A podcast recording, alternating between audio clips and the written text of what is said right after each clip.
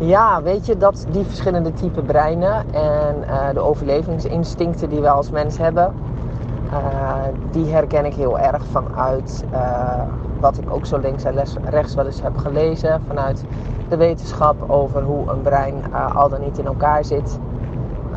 je hersenstam en vervolgens je kleine hersenen en je grote hersenen. Die dan weer bestaan uit je hersenmerg en je hersenschors. En welke stadia van ontwikkelingen die hebben doorgemaakt.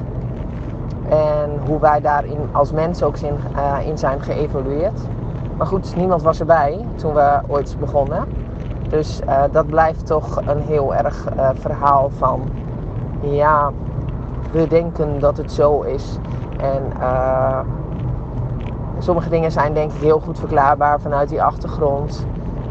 wat ik merk is dat dat hele stuk van het overleven, dat zit vooral op uh, het, ja, in mijn taal is dan de seven-centered being. Dus met andere woorden, echt strategische overlevingsdrang vanuit de situatie waarin wij moesten overleven om uh, zeg maar met onze strategische inzichten als mens uh, het toch met onze mindere fysieke kracht het te kunnen redden tegen een grote beer, zeg maar. Dat wij strategisch gezien iets hebben uitgevonden waardoor we de beer ehm, die los is uh, uh, kunnen bestrijden. En daarmee onszelf uh, bovenaan de food chain hebben ge gebracht, om maar even zo te zeggen.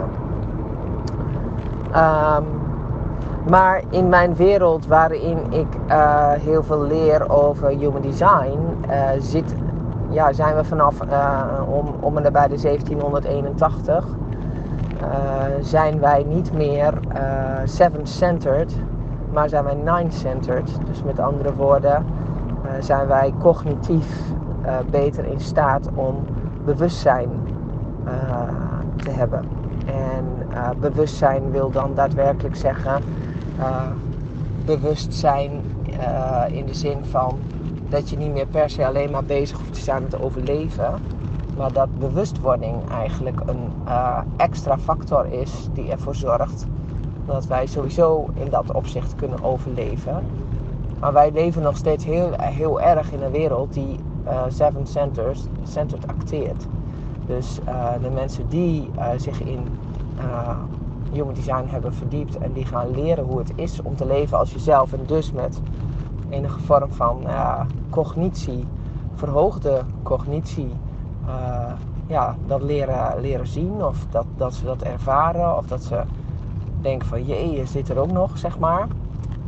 Um, dat het dan veel minder over overleven gaat. En dat het dan gewoon veel meer is wat is. Dus alleen datgene wat er is, uh, dat, is uh, uh, dat is de realiteit.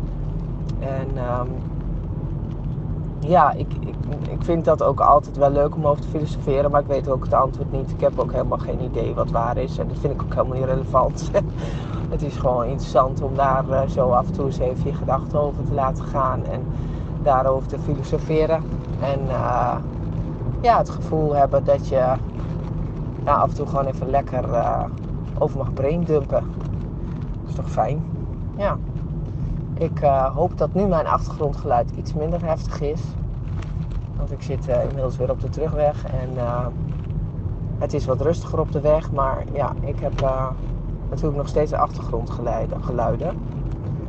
En dat heeft echt ook wel te maken met het feit dat ik probeer mijn leven een beetje samen te pakken. dus dat ik meerdere dingen tegelijk doe. Um,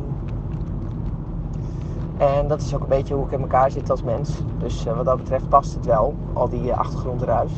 Maar ik moet zeggen, een spinnende kat op de achtergrond is toch wel echt uh, super, super relaxed. Meer relaxter kan je eigenlijk gewoon niet zijn, denk ik. Want dat is wel het meest rustgevende geluid, vind ik dan. Er zijn ook mensen die katten haten natuurlijk. Maar ja, ik hou wel van een spinnende kat.